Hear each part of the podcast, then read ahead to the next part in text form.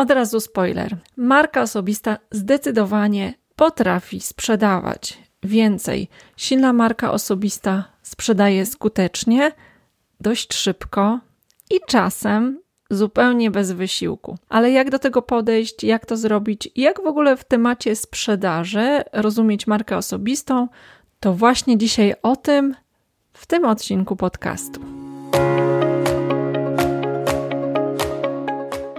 Dzień dobry lub dobry wieczór. Cieszę się y, rozmawiając z Tobą, mówiąc do Ciebie w kolejnym epizodzie sezonu poświęconego marce osobistej. Ja nazywam się Angelika Chinkowska jestem strategiem silnych marek osobistych i firmowych.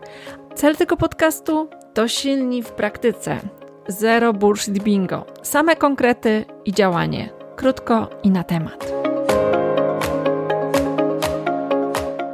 No to wskakujemy w temat sprzedaży w przypadku marki osobistej. Myśląc o sprzedaży i o marce osobistej, o silnej marce osobistej i o tym, że ona relatywnie potrafi sprzedawać praktycznie wszystko, myślę o Ewie Chodakowskiej. Marka osobista ma tą zaletę, że buduje zaufanie przywiązane do konkretnej osoby, a nie firmy. I jak popatrzycie w przeszłość i sprawdzicie historię Ewy Chodakowskiej, to ona zaczynała od sprzedawania płyt, tak naprawdę w tradycyjnych mediach, wtedy z miesięcznikiem, który nazywał się Shape. I przez ten długi czas Ewa zaczęła sprzedawać treningi, miała klub, który zamknęła, bo chyba nie do końca był rentowny albo nie tak skalowalny, jakby tego chciała. Sprzedaje kosmetyki, stroje kąpielowe, diety, batoniki i praktycznie można powiedzieć, że będzie sprzedawać wszystko i to się dzieje, bo są to ziemia gdzieś, jakieś domy, osiedla i tak dalej. Jak jej się to udaje? Zwyczajnie ma grupę odbiorców, z którymi zbudowała zaufanie, i w związku z tym oni ufają jej i wierzą, że produkt, który sprzedaje, o którym mówi, jest wiarygodny, bo swoją twarzą zapewnia, że to jest coś, co warto kupić. I to jest cel, do którego dążymy.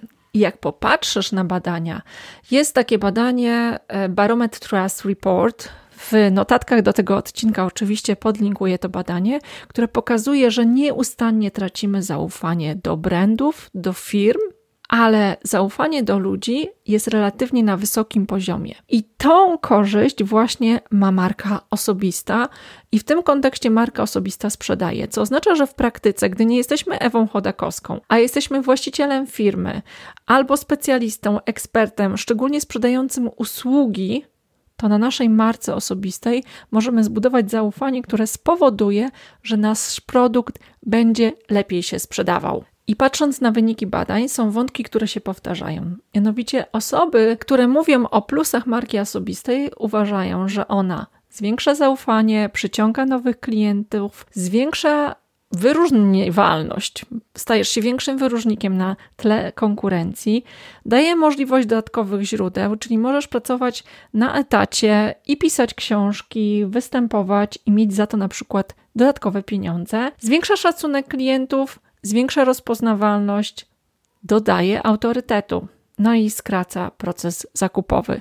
Dlaczego? Dlatego, że jesteśmy rekomendowani jako osoby, którym można ufać. I tu jest też pewne niebezpieczeństwo. Jeżeli jesteś właścicielem firmy i masz silną markę osobistą, to trudno ci będzie przetransferować to zaufanie na Twój zespół. To znaczy, może nie trudno, ale będziesz musiał wykonać albo musiała konkretny wysiłek, żeby Twoi klienci ufali tak samo Tobie, jak i innym osobom. Czasem to się nie udaje i myślę, że to jest przypadek właśnie Ewy Chodakowskiej, gdzie łatwiej było wypuścić kolejną linię batoników, niż zbudować miejsce, w którym będą ludzie, z którymi ona współpracuje lub zatrudnia, i ludzie będą im ufali tak samo jak jej. I z tego płynie ważna lekcja. Jeżeli masz silną markę osobistą, to Twoim atutem jest to, że możesz tworzyć produkty, które powinny być skalowalne, żeby były sprzedawane pod Twoim nazwiskiem.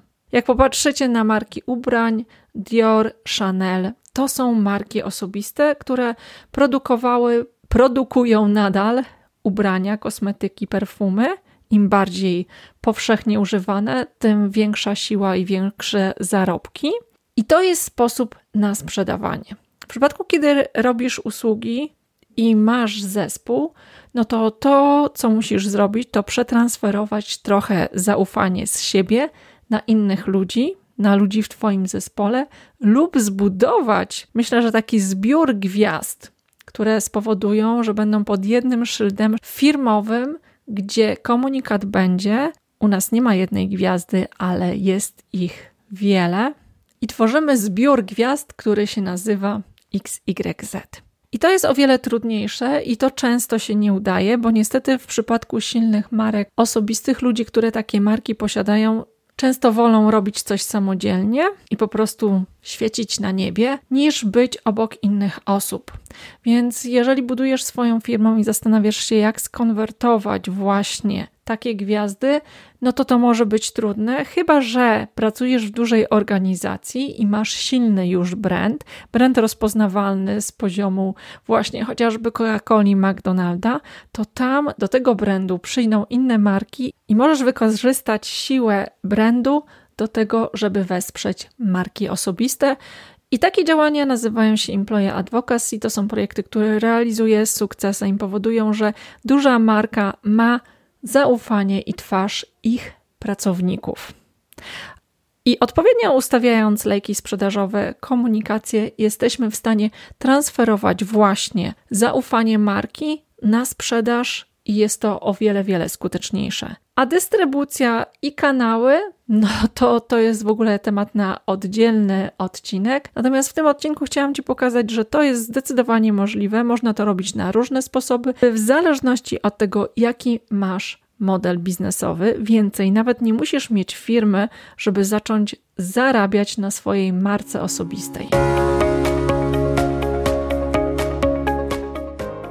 Zanim przejdziemy do podsumowania, trzy rzeczy. Po pierwsze, zasubskrybuj mój podcast, gdziekolwiek go słuchasz, aby nie ominął Cię kolejny konkretny, szybki odcinek dotyczący budowania marki osobistej i firmowej. Po drugie, chcesz, abym w kolejnym epizodzie odpowiedziała właśnie na Twoje pytanie, to zadaj je. Napisz do nas na kontakt no i jest szansa, że właśnie odpowiedź na Twoje pytanie pojawi się w kolejnym odcinku podcastu. Trzecie, równie ważne dla Twoich rezultatów, wejdź do notatek tego odcinka na moją stronę silnamarka.com. W sekcji podcast znajdziesz ten odcinek, a tam wiele wartościowych linków, więc działajmy, bo silni w praktyce to nasz cel.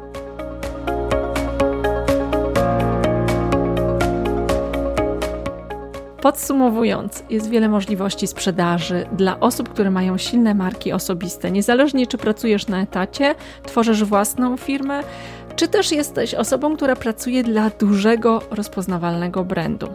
Każdy ten model można stworzyć tak, żeby Twoja marka osobista sprzedawała, a ludzie, którym służysz dzięki produktom, które sprzedajesz, mieli jeszcze więcej korzyści. Dlaczego? Społeczność Sales Angels ma takie hasło, w które ja wierzę: sprzedaż to pomaganie, a sprzedając wartościowe rzeczy, pomagasz swoim odbiorcom rozwiązać ich problemy lub aspiracje. Dlatego nie bójmy się sprzedawać, róbmy dobrze i rozdawajmy to dobro po to, żeby inni realizowali dzięki nam swoje cele i aspiracje.